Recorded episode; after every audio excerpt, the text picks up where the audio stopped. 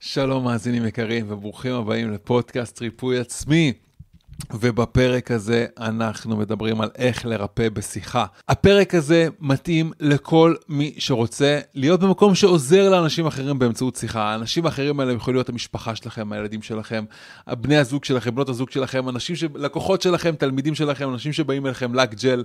אם אתם לא מטפלים, אתם רוצים לשמוע את הפרק הזה, ואם אתם מטפלים, אתם ממש ממש רוצים לשמוע את הפרק הזה, כי זה ממש ייתן לכם כללים בסיסיים לאיך לא ליפול לנקודות שאפשר ליפול בהם בדרך. פה, יש פה קצת כלים טיפוליים, אבל יש פה בעיקר בעיקר קווים מנחים למה לעשות ומה לא לעשות בשיחה, ובאיך בעצם אנחנו יכולים להגיע ללב של אנשים ולאפשר להם להרגיש יותר טוב, להרגיש רווחה נפשית ורווחה גופנית, ולהתרפא, ולסיים שיחה שאנשים מסתכלים עליכם ואומרים, וואו, תודה רבה, עזרת לי מלא, ויכול להיות שיש לכם כבר מקומות כאלה בחיים שלכם, ואתם תוכלו אפילו לשפר אותם.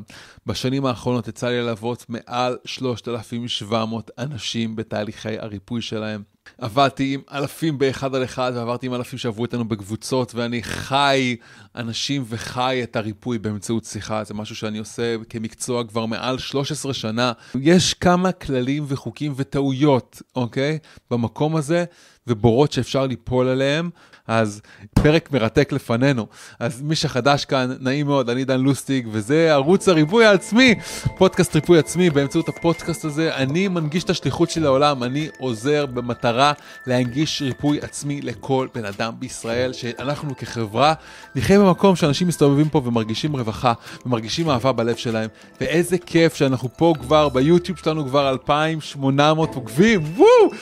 אה, ובספוטיפיי אה, גם. גם בסביבות האלפיים ומשהו עוקבים, ו, ובאינסטגרם מעל 7,000 עוקבים, ו, וכל יום מתווספים ועוד ועוד, ועוד ועוד אנשים ששומעים את הפודקאסט הזה, הפרקים מגיעים ליותר אנשים בזכותכם, ואני רוצה להודות לכם על זה, להודות לכם על השיתופים שלכם, להודות לכם על זה שאתם שותפים לדרך, שאתם מאזינים לפרקים, שאתם מעבירים את זה לאנשים שאתם יודעים שזה יכול לעזור להם, ואתם עוזרים להביא ריפוי לעוד אנשים.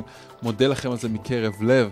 אני התחלתי בכלל בתחום הזה אחרי שריפאתי את עצמי ממחלה אוטואימונית ואמרתי, וואי, אני הצלחתי לרפא את עצמי. איך עשיתי את זה? והלכתי וחקרתי וגיליתי שיטות טיפול שונות שאפשרו לי אה, לרפא את עצמי בהרבה מובנים וגם להנגיש ריפוי לעוד הרבה הרבה אנשים. והיום אחרי 13 שנה שאני כבר מטפל באנשים כמקצוע, אה, החלטתי להנגיש את הידע הזה. אז אה, בזה עוסק הפרק הזה. בבקשה, אם עדיין, לא, אם עדיין לא נרשמתם לערוץ, אז בואו תירשמו ותצטרפו לקהילת הריפוי העצמי ותמשיכו לקבל פה תוכן של ריפוי אה, שיאפשר לתודעה שלכם וללב שלכם להרגיש יותר רווחה. אז יאללה, בואו נשמע סיפור ריפוי קצר ובואו נצא לדרך. דן ומיטל באים עם אותנטיות. הם כל כך מאמינים במה שהם עושים והם פשוט רוצים שיהיה לך טוב. היה בי ניצוץ שזה מה שאני רוצה לעשות בחיים. החלטתי שאני הופכת להיות מטפלת. יש לי מטרה להביא גם ריפוי לעולם. זה משנה חיים, ואני רוצה לשנות לכולם את החיים. הם מגיעים אליי עם בעיות ואני יודעת לעזור להם וזה כיף. השפע נפתח, העושר הפנימי. אני בריאה. אני פשוט שמחה. כשאתה מחובר לעצמך, הריפוי מגיע.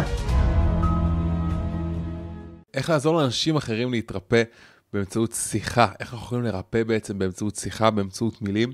אני יודע שאני במסע שלי עברתי לא מעט שלבים בלראות איך אני בכלל יכול לעזור לאנשים. זה התחיל במגע עם אנרגיות, אה, אה, עבר דרך כל מיני ריפויים וכל מיני ניסיונות לריפוי בכל מיני דרכים. עד שהגעתי למקום שלפי דעתי זה הדרך הכי עילאית לעזור לאנשים וזה באמצעות שיחה. עכשיו, אה, אני יודע שיש פה הרבה אנשים שבטח מכירים NLP ולומדים NLP. אני לא מדבר על, רק על כלים של NLP או, או מהתחום הזה. אמ, וזה לא משנה אם אתם אה, הורים לילדים ואתם רוצים לעזור להם באמצעות שיחה אה, להרגיש יותר טוב, להתחבר לרווחה, לרווחה נפשית וגופנית, ובין אם אתם אה, עושות לק ג'ל ואתם רוצות לעזור למטופלות שלכם, אולי אתם כבר עוזרות למטופלות שלכם, אולי אתם כבר אנשים כאלה שאתם הפסיכולוגים של החבר'ה שלכם, אתם ערוץ הריפוי של המשפחה, אתם יודעים לעזור לכולם, אולי לעצמכם פחות, אבל זה לא משנה, הפרק הזה אנחנו ממש עוסקים באיך לעזור ליותר טוב ליותר אנשים. אז אני מניח שאם אתם שומעים את הפרק הזה, אתם כבר מכירים את ההרגשה הנעימה והטובה הזאת שיש בלב, אחרי שעזרנו למישהו, אוקיי? אחרי שעזרנו למישהו באמת להגיע לאיזושהי תובנה, להגיע לאיזושהי מסקנה, מסקנה, לשחרר משהו, לרפא משהו, להבין משהו, להרגיש יותר טוב בעצמו, כלפי החיים. אמ, אה, לפעמים המילים הנכונות והמקום הנכון שלנו בחיים של אנשים אחרים, לפעמים רגע כזה, תשומת לב כזאתי, יכולה באמת להציל חיים. לפעמים זה יכול אשכרה להציל חיים. לפעמים המילה הנכונה במקום הנכון, בטון הנכון, יכולה להביא לבן אדם את מה שהוא קמה לו וצריך לקבל. אמ, אבל אני יודע שאחרי 13 שנה שאני כבר מתפרנס מלעשות שיחות כאלה עם אנשים, אמ, אה, יש גם טעויות שאני עשיתי בדרך ויכול להיות שאפשר ממש ממש להימנע מהם. אז בפרק הזה אני ממש הולך לדבר איתכם על הטעויות, איך, אה, ממה להימנע מתי שזה מגיע לעשות, ב, לדבר בשיחה, אה, מה לא לעשות, ואחר כך אני יכול גם לדבר על מה כן לעשות, ואיך אנחנו כן יכולים להביא ריפוי באמת תוך מקום נכון ושקט שמעצים אותנו ומעצים את, את הצד השני. אה, אז בואו נצלול פנימה. היו תקופות בחיים שלי שבהם הרגשתי, גם תקופות שבהם הרגשתי חוסר ביטחון מאוד גדול, זה היה עוד לפני שבכלל נחשפתי לכל עולם הטיפול, לפני שידעתי שבכלל אני רוצה לטפל או לרפא, זה היה כזה עוד בזמנים uh, שלפני הצבא או במהלך הצבא. Um, uh, הייתי בתקופות גם של uh, חוסר ודאות ומקומות לא פשוטים בתקופת ההתבגרות שלי. ו... ואחד מהדברים שאני זוכר שהיה כמה חברים שבאו ואמרו לי שהנוכחות שלי נותנת להם ביטחון, ושהם מרגישים אה, ביטחון ו, ו, ו, ומשהו בהם מתמלא בנחת מתי שהם, אה, אני מדבר איתם או מדברים איתי, והדבר הזה מאוד מאוד מאוד הפתיע אותי. ואני יודע שזה גם אם זה את או אתה, לכולנו יש את החלק הזה שיכול לעזור בשיחה. ואני רוצה ללמד אתכם איך להיות אפילו יותר טובים בשיחות האלה, שבאמת יכולות להביא ריפוי, לייצר קרבה ולשפר מערכות יחסים בחיים שלכם ובכלל. וחשוב לי להגיד, זאת לא עצה שתיתן לכם הסמכה טיפולית או, או הסמכה שאתם יכולים לגבות כסף עבור שיחות איתכם, בשביל זה יש הכשרות מקצועיות, אם אתם כבר מטפלים אז אתם כמובן יכולים להשתמש בכלי, במה שתלמדו פה, ברור להביא את זה לתוך הקליניקה שלכם. אה, אז קודם כל בואו נבין שנייה אחת ממה צריך להיזהר, אוקיי?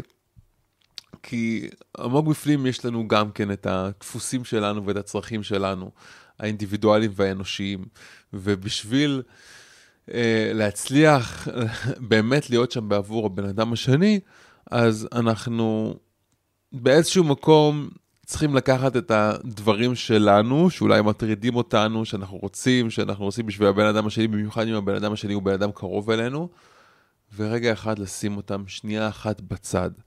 הדבר הזה מייצר בתוכנו איזשהו מרחב, מרחב של קבלה, של הכלה, של הקשבה, שאנחנו יכולים באמת להיות שם באמת בעבור הבן אדם השני, לא דרך המניירות שלנו. אה, אני אגע בזה לקראת סוף הפרק, איך אנחנו יכולים לעשות את זה בצורה יותר טובה.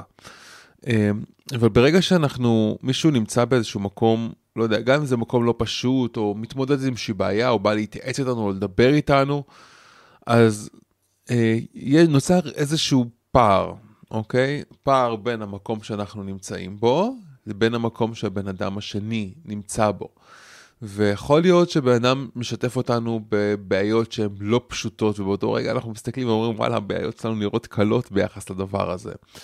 ויש משהו שהוא מאוד נעים בפער הזה, בפער הזה שיש בינינו, שאנחנו כבר אולי עברנו איזושהי דרך, או עברנו משהו, לבן אדם השני. ולפני כמה שנים הייתי בטיול משפחתי, ואז דוד שלי פתח איזה ספר, לא זוכר איזה ספר זה היה, זה ספר יהודי כזה, ו... והיה קשוב, כתוב שם משפט שבאמת עשה לי המון המון סדר בראש. הוא אמר, אם אתה יודע משהו יותר ממישהו, אוקיי? אם יש משהו שאתה יודע יותר טוב מבן אדם אחר, זה לא שם אותך במקום שיש לך, שיש לך יתרון עליו, אוקיי? זה שאתה יודע משהו שבן אדם אחר לא יודע, זה לא שם אותך במקום שאתה יותר טוב ממנו. להפך, זה שם אותך במקום שאתה חייב לו, אוקיי? תבינו, שנייה אחת, זה חשוב מאוד. זה שאני יודע משהו, או שיש לי פרספקטיבה או הבנה או ידע מסוים, או אפילו נקודת מבט מסוימת על החיים שהיא, אה, לא יודע, רחבה יותר, שלמה יותר, לא הופך אותי ליותר טוב מבן אדם אחר. להפך, זה הופך אותי חייב לו. זאת אומרת שאם יש איזשהו מקום, הישג, תפיסה שאני הגעתי אליה בחיים שלי, זה גם יכול להיות הישג כלשהו שהגעתי אליו בחיים שלי, יש אנשים שנמצאים כמה צעדים מאחוריי, או שהם לא נמצאים ולא פתוחים לידיעה הזאתי, יש בי אה, אה, את האחריות להנגיש להם את מה שאני רואה, אוקיי? זה שאני יודע משהו שהבן אדם האחר לא יודע, לא הופך אותי ליותר טוב ממנו, הופך אותי באיזשהו מקום לחייב לו. כמו אח גדול שרואה את האחים הקטנים שלו שעדיין לא פיצחו את, את, את הדבר הזה, והוא יכול להתגאות ולפתח איזשהו מקום זחוח בעצמו, אה, שאני כבר עברתי את זה ואתה לא, וליהנות מהפער הזה.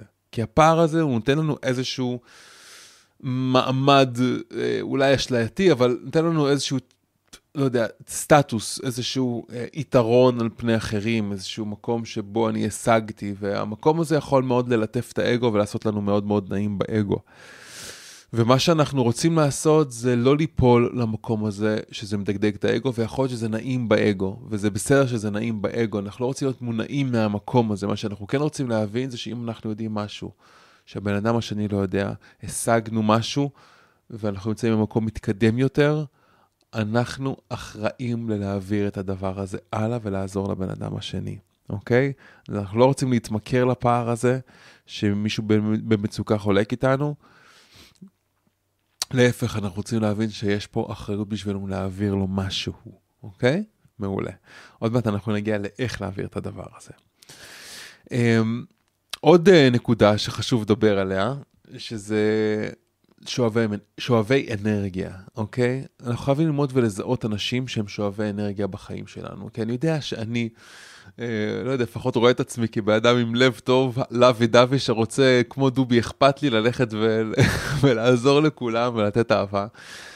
אמ, באמת יש בי, יש בי כמיהה עמוקה בלב שלי שמאוד מאוד מאוד רוצה לעזור. אה, זה קשור גם לשריטה שלי, שיש לי שריטה כזאת שאני חייב שכל הזמן כולם יאהבו אותי, או כזה דפיקה, באמת זו דפקה נוראית שלי, אה, שאני אוהב אותה ומטפח אותה, כן? אבל יש בי חלק, יש בי שריטה שאני חי... רוצה שכולם יאהבו אותי, וחלק מהדפוסים שמתי שאני רוצה שכולם יאהבו אותי זה ללכת ולרצות לעזור לכולם, ולראות אנשים בצרה וללכת לנסוע ולהושיע אותם. זאת שריטה עמוקה מאוד שיש לי, זה חלק מהמקום שדרכו אני שואב תחושת משמעות בחיים שלי ותחושת ערך לעצמי ותחושת ערך לקיום שלי על פני כדור הארץ.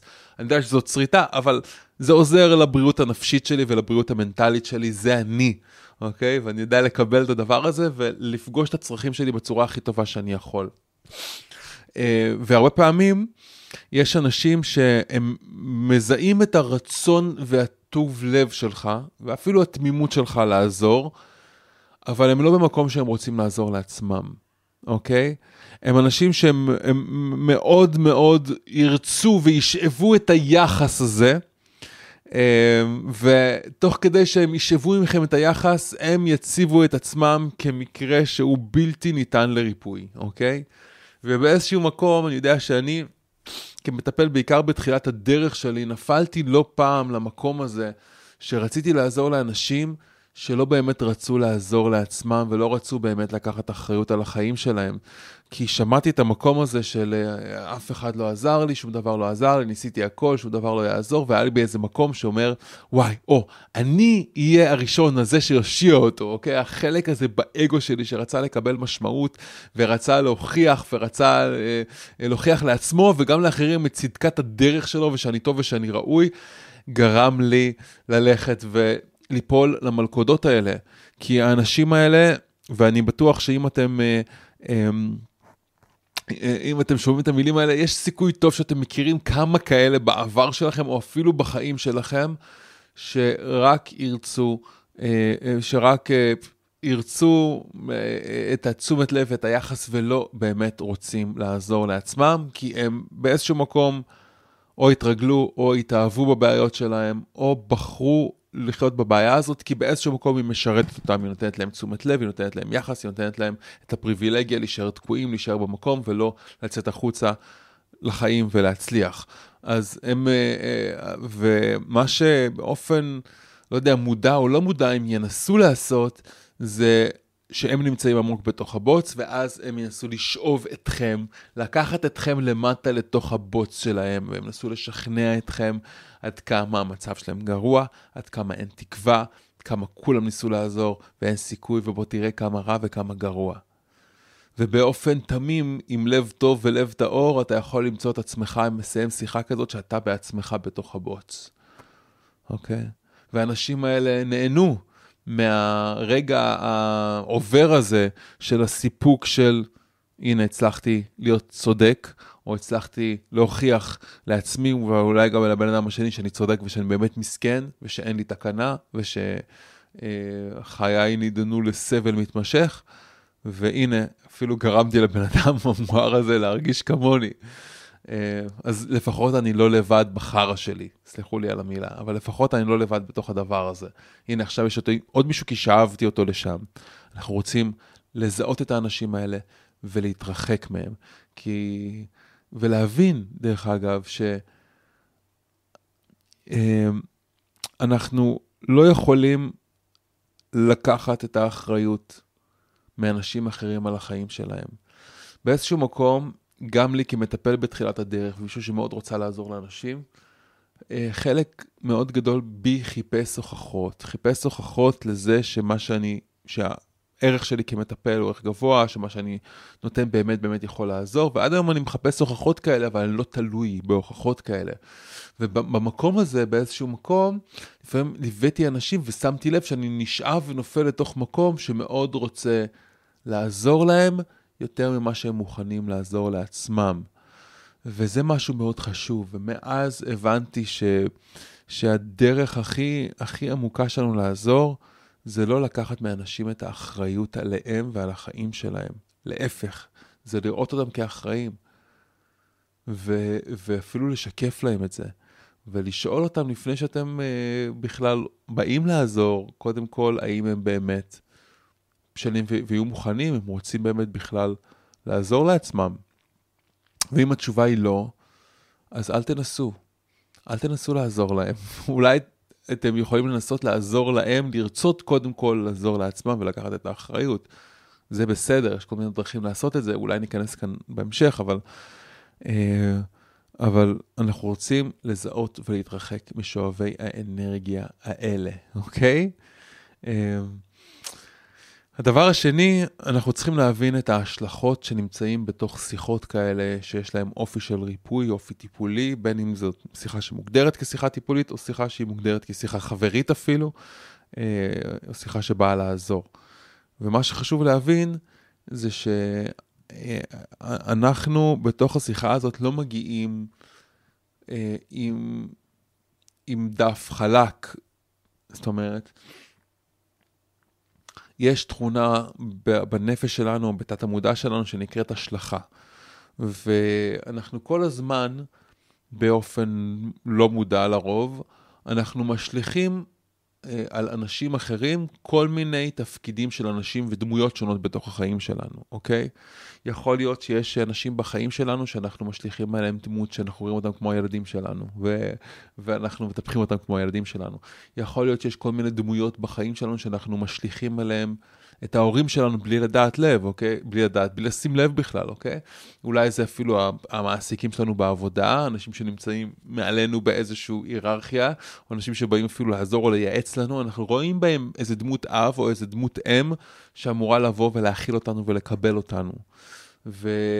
ומה שאנחנו משליכים שם, זה אנחנו משליכים את כאבי הילדות הלא פתורים שאנחנו סוחבים איתנו בתת המודע שלנו, ואנחנו מצפים לקבל אותם הרבה פעמים מאנשים אחרים. וכשאנחנו יושבים בשיחה עם אנשים, הרבה פעמים הם משליכים עלינו את, אה, את, את, את התפקידים, אה, תפקידים שונים, אוקיי? בחיים שלנו. יכול להיות שהם משליכים עלינו את תפקיד המושיע שלהם. יכול להיות שהם משליכים עלינו את תפקיד האבא, או את תפקיד האימא, או את תפקיד ה... אה, או האח גדול, או אחות גדולה, או...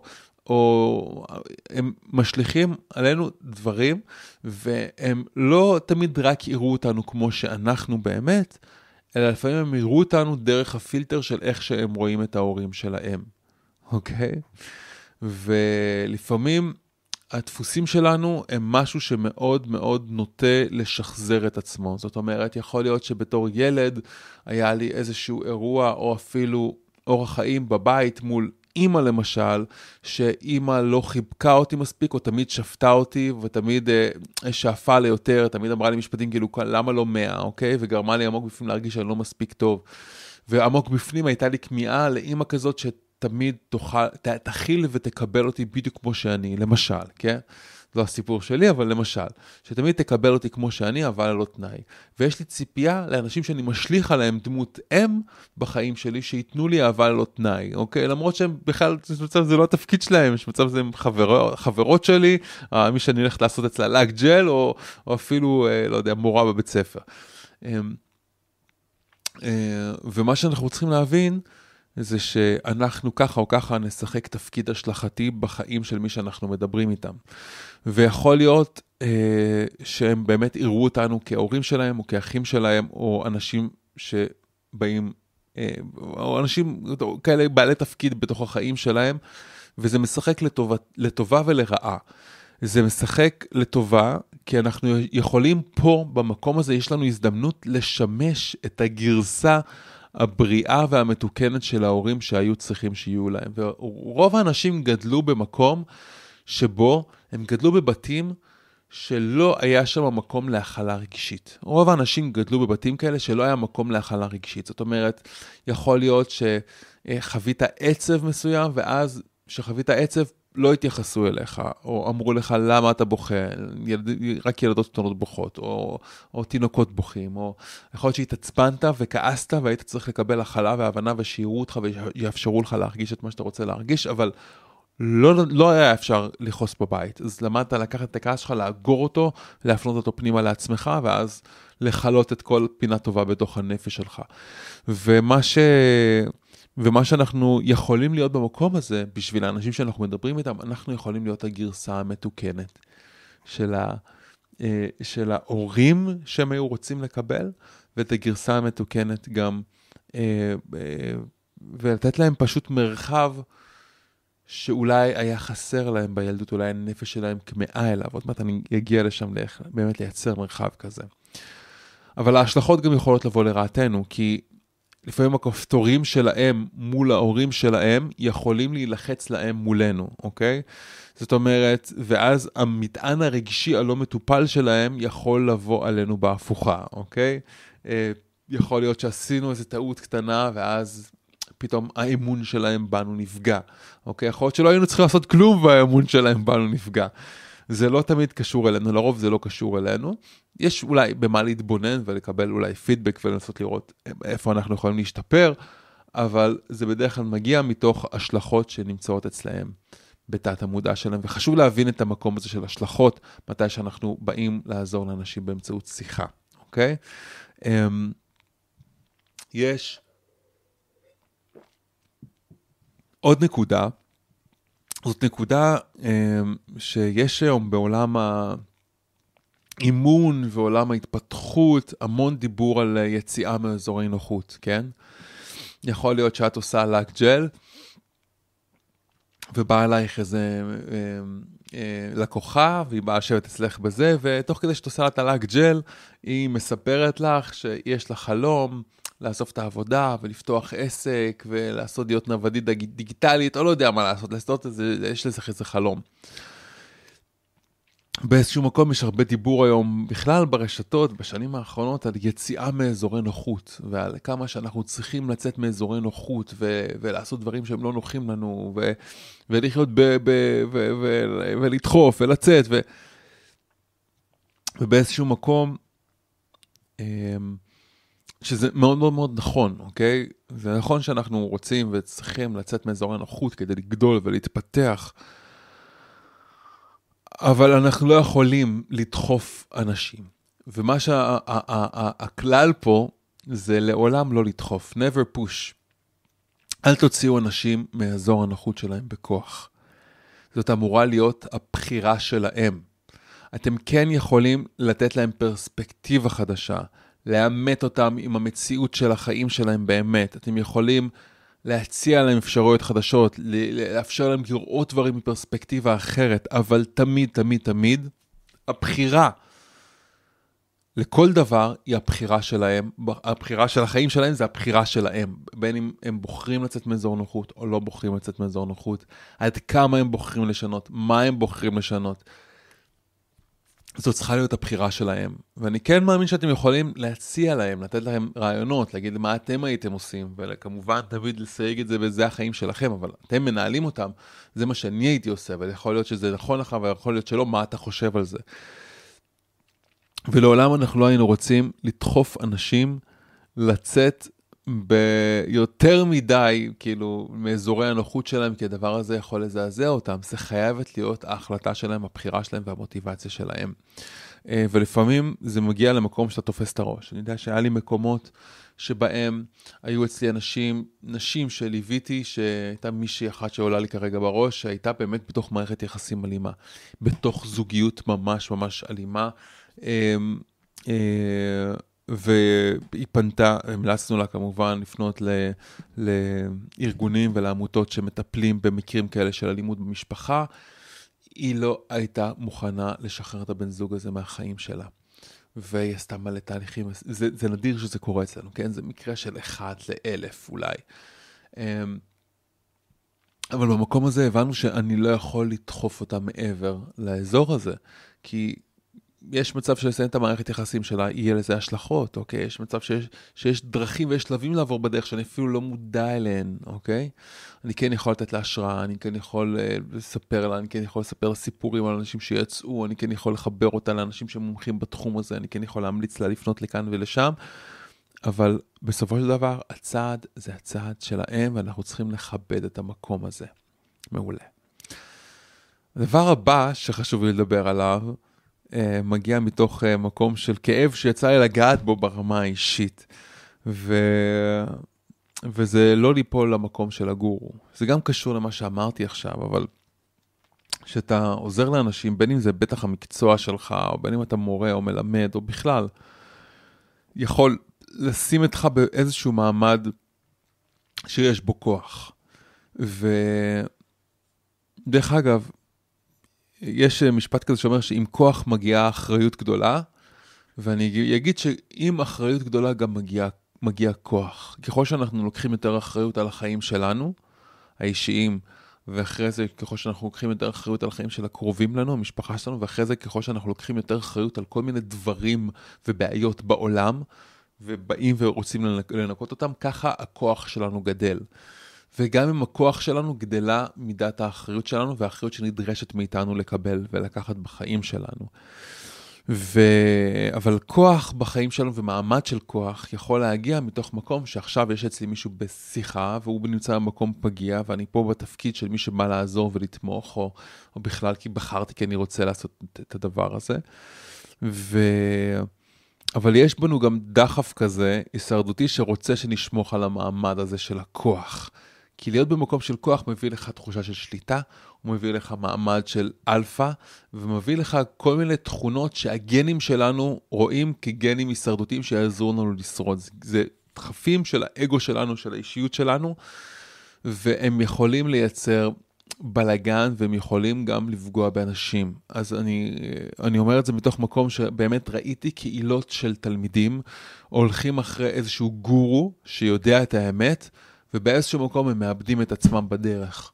הם ממש מאבדים את עצמם בדרך. ראיתי את זה מקרוב.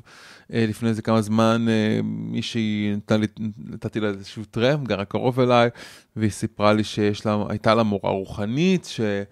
אה, שהמורה הזאת הייתה מתקשרת, ודרך המורה היא פשוט קיבלה תשובות לשאלות מאוד עמוקות בחיים שלה, אה, והיא כל כך אהבה את המורה הזאת, ו, אה, וכל כך, אה, היא קיבלה ממנה כל כך הרבה תשובות לשאלות שהיא חיפשה ולחוסר הוודאות בחיים שלה. ואז יום אחד נחשו מה קרה, המורה שלה נפטרה, הלכה מהעולם, וכבר הגיעה לזמנה, והיא עברה מהעולם, והיא נפטרה, ואז היא פשוט נשארה שבורה. היא נשארה שבורה בלי שהיא יודעת מה לעשות. למה? כי באיזשהו מקום מה שקרה זה היא ביטלה את מקור הסמכות הפנימית שלה. ומקור הסמכות הפנימי שלה, היא השליכה אותו על הגורואית שלה, והפכה אותו למקור סמכות חיצוני, אוקיי? ולא שאני אומר שזה דבר רע. אחלה, לפעמים ללכת ולשמוע איזשהו תקשור או מתקשרת או מישהו שיכול לדעת יותר טוב ממני להגיד לי מילים או דברים שנותנים לי איזשהו אישור למשהו פנימי בי, יכול לעזור לי לשמוע את הרצון האמיתי שלי, את האמת הפנימית שלי, את הקול הפנימי שלי, זה יכול לתת לי ביטחון ולחבר אותי למקום הזה. אבל זה לא בא במקום. זה לא יכול לבוא במקום האחריות שלי על עצמי ועל החיים שלי. לפני שאני הולך ואני מקשיב לאיזה גורו או, או, או מישהו שיודע, גם אם זה אני, דן לוסטיג, אתם לא יכולים ללכת להקשיב לדן לוסטיג, להפוך אותו לגורו שלכם ו- ולבטל את כל מה שאתם יודעים שנכון לכם עם עצמכם, אוקיי? המילים שלי, המטרה שלי זה שהם יהדהדו בכם איזושהי אמת פנימית שקיימת בתוככם, כדי שאתם תוכלו להתחבר לאמת שלכם. ואני לא רוצה שתלכו אחרי מה שאני אומר כמו עיוורים חסרי ישע. אני... המטרה שלי זה שאנשים יצאו ממני שהם מחוברים לעצמם, מחוברים לסמכות הפנימית שלהם, והם יכולים לנתב ולנהל את החיים שלהם בצורה יותר נכונה, בלי תלות בי. אוקיי? ונכון, יש תהליכים שאני מעביר שמאפשרים לאנשים ממש להתחבר למקומות האלה ולהסיר מעצמם את מה שהם לא, כדי להתחבר למי שהם כן. אבל אני, מהכאב האישי הזה שראיתי, כאב האישי לא שאני חוויתי באופן אישי, אלא שאני ראיתי אנשים שבאמת הולכים לאיבוד בקהילות כאלה. אה, אה, אז אה, אני רואה את הכאב, אני רואה את האובדן ואני רואה את הכיבוי של הניצוץ בעיניים, אמיתי. ואנחנו לא רוצים להיות האנשים האלה, אסור לנו ליפול למקום הזה של הגורו. מה זה ליפול למקום של הגורו? אסור לנו להיות במקום שבו אנחנו נמצאים במקום עילאי, שחושב שיכול, ל, ל, ל, ש, ש, שאנחנו מייצרים תלות, אוקיי? אנחנו לא רוצים לייצר תלות בין האנשים שאנחנו עוזרים אליהם לבינינו. ואם נוצרת תלות כזאת, כנראה שיש משהו שלא עובד כמו שצריך. אולי זה סוג אחר של מערכת יחסים שצריכה להיות שם, אבל זאת לא מערכת יחסים, אה, אה, לפחות בין אה, מטפל או מטופל או מישהו ש... אמ, בא ללמוד מכם או לקבל את העזרה שלכם או שאתם רוצים לעזור לו. אמ, לפחות לא תחת הכובע הזה. נגיד אם אתם רוצים לעזור לילדים שלכם, יש מצב טוב שלילדים שלכם יש איזושהי תלות בכם כי אתם ההורים שלהם, אוקיי? ילדים, במיוחד עד גיל מסוים, אמורים להיות תלויים בהורים שלהם, אוקיי? זה לא אמור להמשיך ככה, כן? כי בסופו של דבר הילדים אמורים להיות, לפתח עצמאות ולהיות אנשים עצמאיים בעולם. אה, ובאיזשהו מקום, אז יכול להיות שבמערכת יחסים ההורית שלי, אפילו לפעמים גם הזוגית, למרות שתלות זה לא הדבר הכי בריא ברמה הזוגית, אבל יש אולי איזשהו אלמנט של תלות, כי חיינו מקושרים אחד לשני, אז זה בסדר, אבל אם בתוך המערכת יחסים שלנו אני פותח איזשהו, לא יודע, סוגריים, איזשהו סשן, איזשהו מקום שעכשיו אני בא לעזור, לפעמים אני עושה סשן למיטל, אני עושה לה טיפול למיטל. אני יודע שבטיפול הזה עכשיו אני משמש תפקיד אחר מהבן זוג שלה, אלא אני משמש תפקיד כמו תפקיד אה, טיפולי, אני לא ממליץ לעשות את זה כל אחד כי אנחנו מעורבים רגשית, אבל לפעמים הייתה באה אליי לסשן, ובסשן הזה אני מדבר אליה ונותן לה להתחבר למקור הסמכות הפנימית שלה, אני לא שואף להחליף אותו, אוקיי? אמ, וזה מה שאנחנו רוצים מאוד מאוד לשים עליו דגש, לא ליפול למקום של הגורו. אמ, ואני יודע, נגיד, אם אתם הולכים ל... ל... יש נגיד את ה... יש הרבה אנשים למשל באסלאם, שבאסלאם אה, הדת אומרת, אה, ויכול להיות שאני טועה ויכול להיות שאני לא מדייק, ואני אשמח אם תדייקו אותי ותתקנו אותי, בכל מה שאני אומר דרך אגב, אם יש משהו שאני אומר, עובדות שאני אומר, או נתונים שאני אומר שהם לא נכונים, אני אשמח ממש לשמוע את הפידבק שלכם פה בתגובות. אני, חשוב לי לדעת, גם אם אתם מתחברים וגם אם אתם פחות מתחברים, למה יותר התחברתם, למה פחות התחברתם, אני מאוד מאוד אשמח לפתח את הדבר הזה. אני לא חושב שאני יודע את הכל, ובטוח שאני יכול ללמוד ולהשתפר עוד. אז אם uh, יש דבר כזה, אז אני אשמח שתגידו לי. זה דבר אחד. הדבר השני, uh, אז, אז למשל באסלאם, יש uh, תפיסה כזאת שאומרת, אלוהים נתן לנו את הקוראן, את הספר, ובספר הזה יש את החוקים לאיך לחיות את החיים. אה, אלוהים ברא לך מוח, הוא ברא לך דעת, הוא ברא לך יכולת בחירה וכושר החלטה, אבל אתה לא צריך לסמוך על הדעת שלך, אתה צריך לבטל את הדעת שלך ואתה צריך לעשות את מה שכתוב בספר, אוקיי? זה גורואיזם לשמו. זה מקום שאומר, אתה לא יודע, אני יודע יותר טוב, תחיה ככה. אל תשתמש בבחירה שלך, כי כנראה שהבחירה, אתה לא יודע, אתה הדיוט שאתה לא יודע מה לעשות ולאן לקחת את החיים שלך. וזה מקום שפשוט גורם לאנשים להיות חלשים בחיים שלהם, זה גורם לאנשים אה, אה, ללכת עיו, עיוורים אחרי... אה, אחרי, אני קורא לזה גורו, כן? ללכת עיוורים אחרי איזושהי אמת של מישהו אחר, שיכול להיות שהיא נכונה, אבל לא יכול להיות שהיא נכונה לי כל הזמן, אוקיי? ומה שאנחנו באמת רוצים, וזה זה ההבדל בין, אני חושב, אנשי, לא שאני, אין לי שום דבר נגד הדת, באמת, אני מאוד מחובר לדת, אבל אני לא איש דת, אני איש דעת. מה ההבדל בין איש דת לאיש דעת? העין באמצע, יש עין באמצע. המקום שדרכו ואיך שאני רואה, שיקול הדעת שלי. אוקיי? שיקול הדעת שלי, ההבדל בין איש דת לאיש דעת, שיקול הדעת, הגיוני. זה העין, זה הדרך שבה אני רואה את החיים, זה הפרספקטיבה האישית, האינדיבידואלית שלי, וכוח הבחירה האישי והאינדיבידואלי שלי. עכשיו, ברור שאני יכול ללמוד מלא, אבל אני יכול ללמוד מלא מהדת, ממלא אנשים, ממומחים, ממנטורים, אפילו מגורואים, אפילו מאנשים שקוראים לעצמם גורואים, אני יכול ללמוד מהם הרבה, בגלל שנקודת החיבור שלי לעצמי, לעין שלי, לאיך שאני רואה את העולם, אני, אני מבין שזה, זה, בלי זה, אין, אני לא יכול ללמוד שום דבר, אוקיי? זה הדבר החשוב ביותר. לכן, כשאנחנו באים לעזור לאנשים אחרים, אל לנו ליפול למקום שיכול לחשוב שאנחנו יודעים יותר טוב מהם, ויכול להיות שאנחנו יודעים יותר טוב מהם. אבל מה שאנחנו רוצים לעשות זה להנגיש להם את, ה, את הדברים שאנחנו רוצים להעביר להם דרך זה, דרך הסמכות הפנימית שלהם. תמיד לשאול על דעתם, לשאול מה דעתם על זה, מה הם חושבים על זה, מה הם בוחרים, אוקיי? אפשר לשקף להם את הפרספקטיבה שלנו ולשאול איך הם רואים את הדבר הזה, אוקיי? לא ליפול למקום של הגורו. מעולה. Um, הכלל הבא זה שלפעמים, גם לי זה היה, היה לי כזה, ידעתי שיש לי הרבה הרבה מה לתת, באמת. עד היום יש לי הרבה הרבה מה לתת. לפעמים כשאני שומע אנשים שנמצאים באיזושהי בעיה, או באיזושהי צרה, או באיזשהו מקום שאני יודע שאני יכול לעזור בו, גם אם נאבקים בו 20 שנה, 30 שנה, אני יודע שאני יכול לעזור בו מאוד מאוד מהר, כי יש לי את הכלים של רפואת על היום.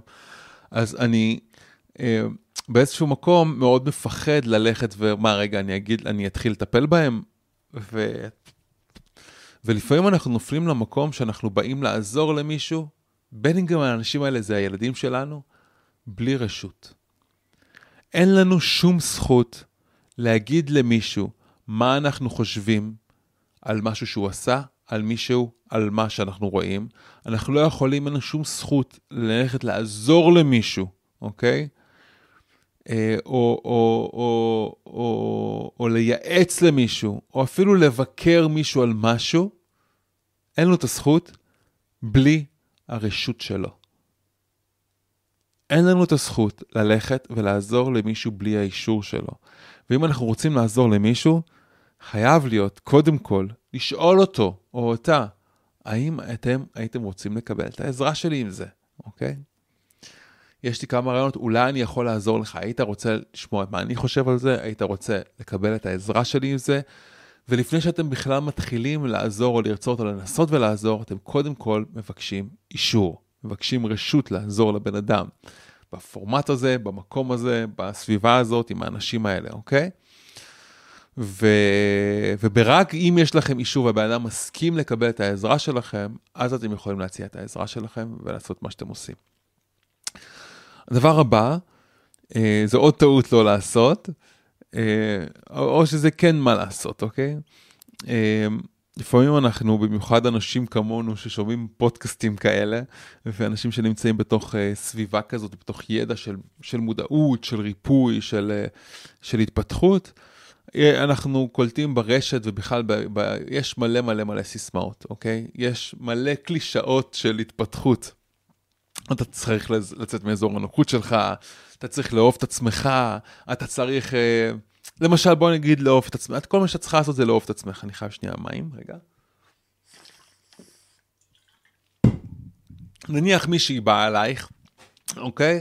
ואת רואה שהיא מתקשה ממש ממש בחיים שלה, כי, כי את רואה שהיא ממש עובדת את עצמה, היא שופטת את עצמה ומלכת עצמה, ואת רואה מישהי באמת מדהימה מולך, שרואה את עצמה אחרת לגמרי מאיך שאת רואה אותה, אוקיי?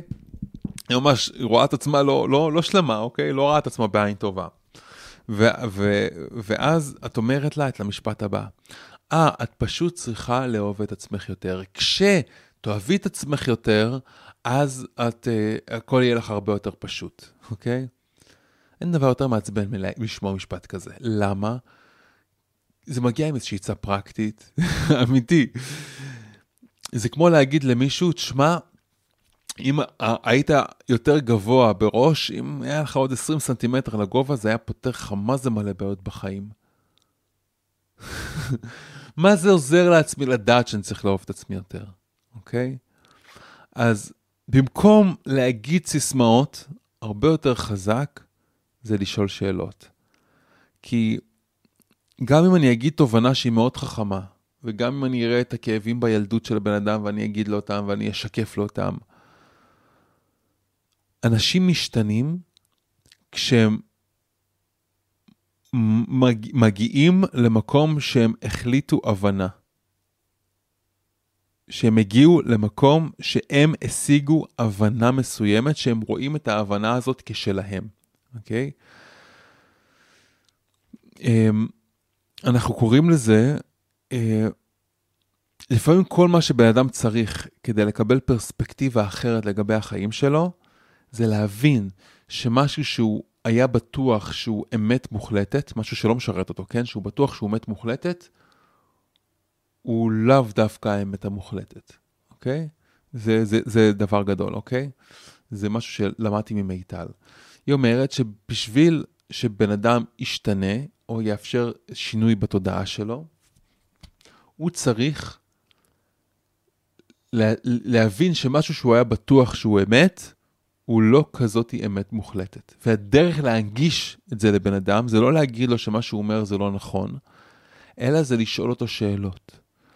ומי שהNLPיסטים פה, מי שלמד NLP בטח מאוד מיומן במקום הזה של שאלת שאלות, אבל אני רוצה להביא שנייה את הפרספקטיבה הזאת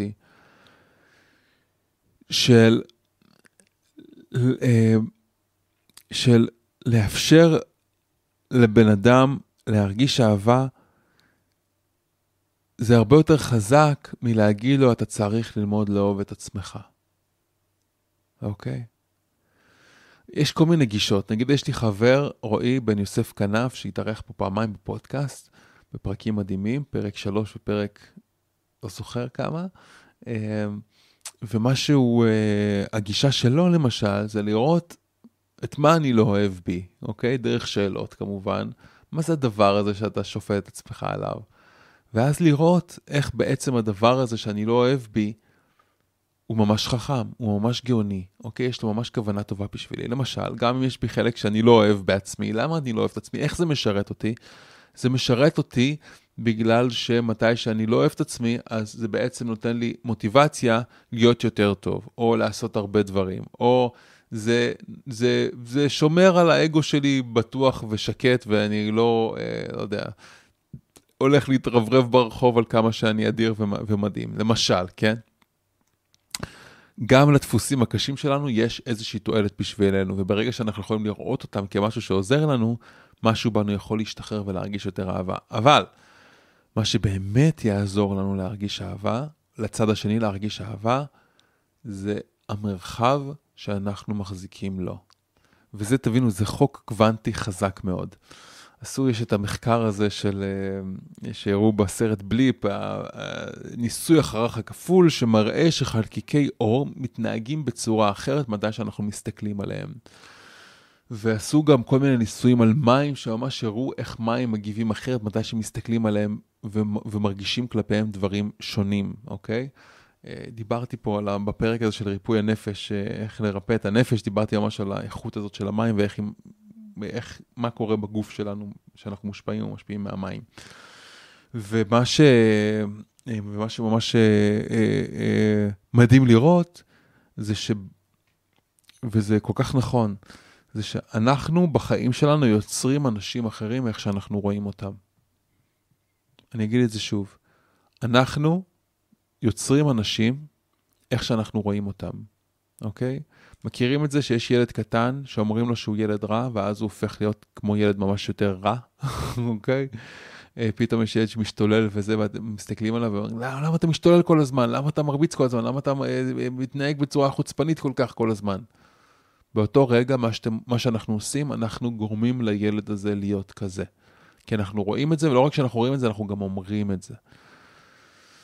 ומה היה קורה, ומיטל עושה את זה עם אורי, וזה פשוט מדהים. מתי שהיא רואה שהוא כזה, כזה, לא יודע, מאוד תזיזתי, מאוד קופץ, פחות קשוב, יותר uh, חסר סבלנות, היא באומץ מחפשת את המקומות של כמה שהוא קשוב, וכמה שהוא יודע להיות רגוע, ואומרת לו, יואו, אתה, אתה כל כך רגוע, יש בך כזה מקומות שיודעים להקשיב, היא מחפשת את הניצוץ הקטן הטוב, והיא מגדילה אותו.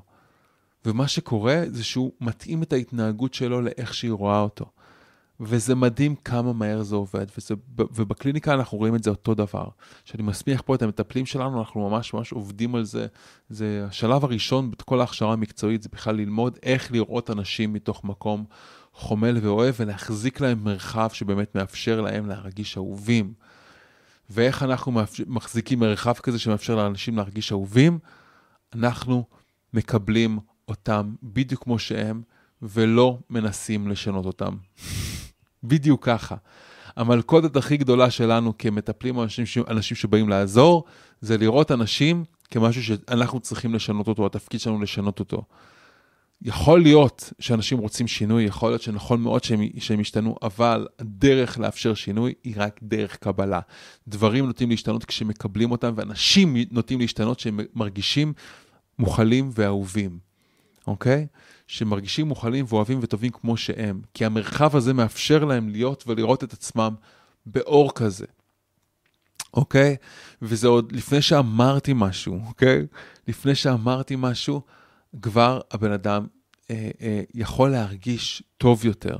ובכולנו יש את המקום הזה, בכולנו יש את המקום הזה שיכול להחזיק מרחב אוהב וחומל לבן אדם, וגם הוא משתף איתנו את הדברים הכי קשים שלו, שמשקפים לנו את הדברים הכי קשים שלנו, שאנחנו הכי רוצים לשנות בעצמנו, ואנחנו רואים אותו באמת מתוך מקום חומל ואוהב, רואים את הטוב, אז מה שקורה באותו רגע, שמשהו בו יכול להרפות ולהתמסר, ומשהו בתוכו יכול להרגיש הרגשה של קבלה ושל אהבה, ומהמקום הזה שינוי הופך להיות הרבה יותר קל, כי אני מפסיק להתנגד לעצמי, וזו נקודה מאוד חזקה.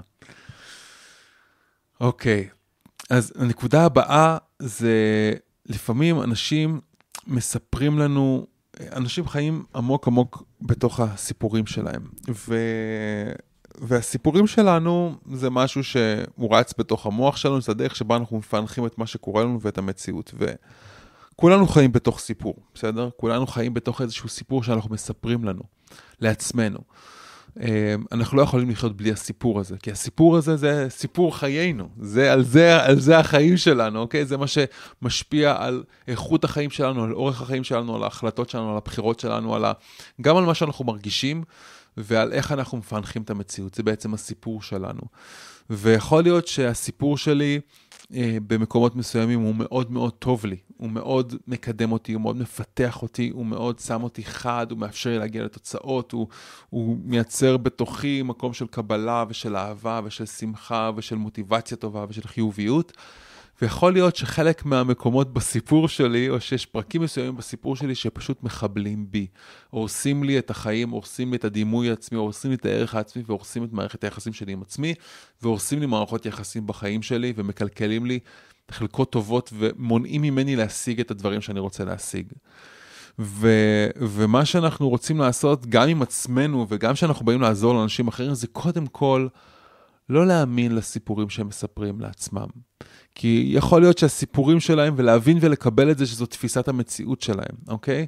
זה כמו התוכנה שדרכה, שמותקנת על החומרה שלהם, שזה המוח שלהם או הגוף שלהם. ואת התוכנה הזאת אפשר לשנות, אוקיי? חלק מהריפוי זה לשנות את הסיפור שאנחנו מספרים לעצמנו. זה גם חלק גדול ממה שאנחנו עושים בתהליכים שלנו. אה, אה, זה בכלל מקום שמאפשר לעשות שינוי בסיפורים שלנו. ו... ולנסות לשנות את הסיפור דרך הסיפור, זה יכול להיות לא פשוט, זה יכול להיות קשה, כי זה מייצר איזשהו מקום שבו אנחנו, אה, אה, למשל, בא אליי איזה מישהו ומספר לי על איך שאשתו אף פעם לא ראה אותו, ולמה היא כל הזמן מתנהגת בצורה כזאת והיא סגורה, ואולי בן אדם לא מתאים, ואולי ככה, ובטח גם, אה, תאמין לי, האישה הזאת היא אישה כזאת וכזאת וכזאת וככה וככה, ואתם שומעים מלא מלא מלא סיפורים. אבל בסופו של דבר, כל עוד אתם מתייחסים לסיפורים האלה, אתם יכולים לנסות לשאול, לשאול אותו שאלות האומנם, ואתה בטוח שהאישה שלך היא ככה, ויש מקומות שבהם היא כן טובה. אחלה, סיפור מעולה, שאלות מעולות לנסות לשנות לו את הסיפור שלו, לשנות לו את הפרספקטיבה, אבל יש קיצור דרך, והקיצור דרך זה לנסות להבין באמת מה הגורם הרגשי שמנהל אותו, מה באמת חי בבן אדם. מה הצורך הלא מסופק, מה הדפוס שנמצא שם מתחת לפני השטח. וברגע כזה שאתם מצליחים אה, אה, להתמקד, או, או להציף, או אפילו לשאול שאלה שמאפשרת לבן אדם האחר להגיע לתשובה של מה באמת הוא חווה מול הדבר הזה, שהוא יכול לראות את הדפוס שלו, שהוא יכול לראות את הצורך הלא מסופק שלו ואת הבקשה שלו, מה שקורה באותו רגע, האמת מתגלה לאור. באותו רגע הבן אדם מקבל והוא מגיע לתפיסה חדשה בחיים שלו. הוא הופך את הבלתי נראה לנראה. ברגע כזה ממש עזרתם לבן אדם, אוקיי? האם זה כל מה שעזרתם לו? אז זה כל הדרך לעזרה? לא, אבל זאת נקודה חשובה. ומה שהעיקרון שאני רוצה להקנות לכם פה זה לא להאמין לסיפורים. לא שלנו ולא של הבן אדם השני. לא להאמין לסיפורים. אנחנו רוצים לשאוף ולראות מה הכאב, מה הרגש שיושב שם מתחת לפני השטח. כי לפעמים רק כשאנחנו נותנים לכאב הזה מקום, ונותנים לצורך הזה מקום, והוא מקבל ביטוי, זה כמו ילד שמרגיש שרואים אותו. זה לא רק כמו, זה ממש כמו ילד שהבן אדם מרגיש שרואים אותו ומכילים אותו, ובאותו רגע הצורך גם יכול לקבל מענה. ואז הוא יכול להגיע חדש לתוך מערכת היחסים שלו, ולפעמים זה לוקח ממש ממש רגע אחד. אז אם כבר פתחנו פה את הנושא הזה, אז יש פה תת סעיף לדבר הזה, זה מה לא לעשות. אה, אה, זה, לפעמים אנחנו אנשים, לפעמים גם אפילו הילדים שלנו באים אלינו עם איזושהי בעיה, אוקיי? והם מאוד נסערים בגלל הבעיה הזאת. ויכול להיות שהם uh, כרגע נמצאים אפילו באיזשהו פרץ של רגשות, איזשהו טנטרום או איזושהי הצפה רגשית מאוד מאוד חזקה. מישהי נפרדה מהבן זוג שלה ובאה אליכם, ו, אה, ו, או מישהו סיים את הזוגיות שלו ו, ו, ובאים אליכם עם לב שבור, ואתם ישר רוצים כאילו לתת להם איזה תפיסה, איזה תובנה, איזה הבנה שתעזור להם. עזבי, הוא סתם היה קקי, עזבי, הוא סתם היה, הוא לא היה בשבילך. אפשר להגיד הרבה דברים, אבל כן, הנה, אה, אפשר לתת, לתת, זאת הטעות דרך אגב. שבן אדם נמצא בהצפה רגשית, במקום של כאב, במקום שהוא מוצף כרגע, הוא לא צריך מענה רציונלי, אוקיי? מענה רציונלי לא, רוב הפעמים לא יפתור את ה... לא ייתן מענה רגשי למוח הרגשי. וצריך להבין שהמוח שלנו, יש לנו מוח רציונלי, שזה אזור ספציפי בתוך המוח שלנו, שחושב כרציונל, ויש לנו מוח הרבה יותר גדול ממנו והרבה יותר משמעותי ממנו, שזה המוח הרגשי שלנו, המוח הלימבי, המוח היונקי. זה מוח שדרכו אנחנו, ש, שבעצם הוא קשור לחוויה הרגשית שלנו בחיים שלנו ולצרכים הרגשיים ולמענה לצרכים הרגשיים שלנו.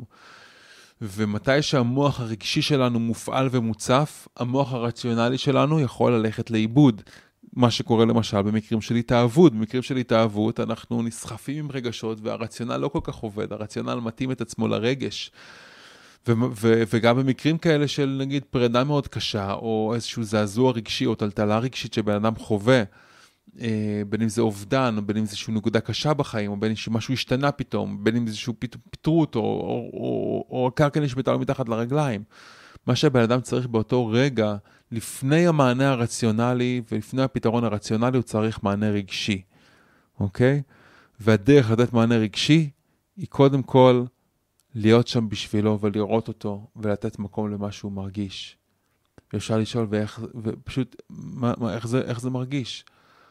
ואין בעיה שאנחנו חווים בחיים שלנו נקודות כאלה כואבות, נקודות של שבר.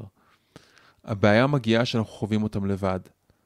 ואם אתם שם עם הבן אדם הזה, בין אם זה הבן שלכם, או הבת שלכם, או, או חבר קרוב, או בן הזוג, או בת הזוג שלכם, או אנשים שאתם אוהבים, או מישהי שבא אלייך לעשות ציפורניים, או מטופל שבא אלייך לקליניקה, או חבר מהתיכון, או לא משנה מי, בא אליכם במקום כזה, אז עצם העובדה שאתם שם איתו, באמת, לא מנסים לתת לו פתרון, עוד לפני שאתם מנסים לתת לו פתרון רציונלי, אתם שם איתו, ואתם פשוט מאפשרים לו להיות ביחד איתו ברגש הזה, מתוך מקום שעוזר לו, רק מחזיקים לו את המרחב, רואים אותו ואוהבים אותו במרחב הזה. פשוט נותנים לו להיות והוא לא לבד שם. לתת לו את ההרגשה שהוא לא לבד שם. לפעמים מה שמאוד מאוד עוזר, זה כן לנסות לתמלל את מה שהוא מרגיש. אם אנחנו יכולים להביע במילים את התסכול, מה אתה מרגיש עכשיו, לשאול ממש, איך היית מתאר את הרגש, את מה שאתה מרגיש עכשיו? אני מרגיש תסכול, אני מרגיש פחד, אני מרגיש אכזבה או חרטה. מעולה. ולפעמים רק לתת את המקום הזה, בלי לנסות לשנות כלום, כבר יכול לשחרר, כי עכשיו אני לא לבד, אוקיי? כי הם איתכם. וזה דבר מאוד מאוד חזק. אחרי שנתנו את הבעיה הרגשית, אפשר להציע, האם היית רוצה לקבל עצה אה, אה, אה, רציונלית גם, היית רוצה לקבל מענה, אה, לפתור את הבעיה הזאת בפעם הבאה. היית רוצה לשמוע מה אני חושב, או מה אתה חושב שיכול להיות הפתרון הרציונלי. לפעמים אחרי שהרגש נרגע, אנחנו יכולים לתת מקום רציונלי, אוקיי? אז לא לתת מענות, מענה רציונלי קודם כל לבעיה רגשית. לבעיה רגשית נותנים קודם כל מענה רגשי של הכלה, של ביטוי, כן? ושל, ושל לתת להם את ההרגשה שהם לא לבד, זהו, הכלה, ביטוי והבנה, זה, זה מה שיעזור ברגעים כאלה לתת מענה לבעיה הרגשית. אחרי זה אפשר להציע גם מענה רציונלי, אוקיי? טעות נוספת, זה, זה אחלה, יש הבדל גדול, הבדל מאוד מאוד גדול בין לעזור לאנשים ככה על הדרך, בין אם זה חברים ולעשות שיחה כזאת עם חבר, לבין להעביר אנשים תהליכים של שינוי, אוקיי? שאם אתם מטפלים ומישהו בא אליכם לקליניקה ולעבור איתכם תהליכים, או אם אתם רוצים להיות מטפלים כאלה, אז ברור שיש הבדל מתי שמישהו בא לעבור איתכם תהליך. כי כשמישהו בא לעבור איתכם תהליך והוא משלם עליו, הוא מגיע עם מוכנות והסכמה כזאת ש... שאתם הולכים לעזור לו, זאת אומרת שהוא הולך לעזור לעצמו, ש... ש... ש... שאתם הולכים לעזור לו. הוא בא מתוך מקום שרואה אתכם כדמות סמכותית. ו... וכשאנשים באים לפעמים אליכם אה, לקבל עצה, הם לאו דווקא רואים את עצמכם כדמות, אתכם כדמות סמכותית. אה, גם אם יש לכם מלא מלא ידע וכישורים, אבל אה, אה, מה שמאוד מאוד יכול לעזור, ולי עזר מאוד מאוד לעזור לאנשים, זה שהייתה לי מתודה, הייתה לי אסטרטגיה והיו לי כלים. אני זוכר ממש בתחילת הדרך שלי, היה לי מלא מלא כמיהה ורצון לעזור לאנשים, ועזרתי כזה בצורה אינטואיטיבית, והייתי כזה פרי סטייל, ולא היה לי עדיין מסגרת לאיך בכלל לשנות, ואיך להעביר, ומה לעשות, אבל תמיד רציתי לעזור, תמיד אהבתי לעזור, ותמיד עשיתי שיחות לאנשים, וחלק מהם היו ממש ממש מוצלחות וטובות. אבל ברגע שאני למדתי את האסטרטגיה הטיפולית שלי, שזה אחת מהאסטרטגיות שהיום אני משתמש בהן וגם מלמד, זה פשוט נתן לי מלא ביטחון לצאת החוצה ולעזור למלא מלא אנשים. ואז יכלתי גם לדעת שאני ראוי לגבות כסף על הדבר הזה, אני יכול גם אפילו להרוויח מזה, שזה, שזה לא היה המניע העיקרי שלי, המניע העיקרי שלי היה שרציתי לעזור, אבל גם באותה תקופה ידעתי שאני רוצה שזאת תהיה העבודה שלי, שזה יהיה המקצוע שלי. אז זה נתן לי הרבה הרבה כלים. ואני מאמין שאם אתם רוצים לעזור ליותר אנשים, אז ראוי לרכוש כלים. כלים טיפוליים, אסטרטגיות טיפול, מסגרת טיפולית שתדעו איך להעביר אנשים תהליכים, אני חושב שזה הדבר הכי חשוב שיש היום בעולם ובחברה שלנו, כי החברה שלנו זקוקה למקום של ריפוי. אז, אה, אז בין אם אתם בוחרים ללכת ולבוא ללמוד רפואת על, או בין אם אתם רוצים, ללכת, הולכים ללמוד אצל מורים אחרים, במסגרות אחרות, זה אחלה, זה נהדר. תבחרו לכם מסגרת שמדברת אליכם, אה, מורה שאתם יכולים להתחבר אליו, כלים שימושיים שאתם יודעים שיהיה לכם פרקטיקה, שאתם תדעו בדיוק מה לעשות אם אתם פוגשים אה, דפוס חוסם, אם אתם פוגשים התנגדות, אם אתם פוגשים איזושהי בעיה שאתם רוצים לפתור, שתדעו שאתם יכולים לפתור אותה. ההמלצה שלי זה גם ללכת למסגרת שתיתן לכם איזושהי מסגרת טיפולית, איזושהי תוכנית טיפולים, איזשהו תהליך שאתם יודעים שאתם יכולים להעביר אנשים, והם יוצאים שהם שינו ממש באמת את החיים שלהם מהעומק. אה, אה, זה מה שאני עשיתי, זה מה שאני מלמד, ו...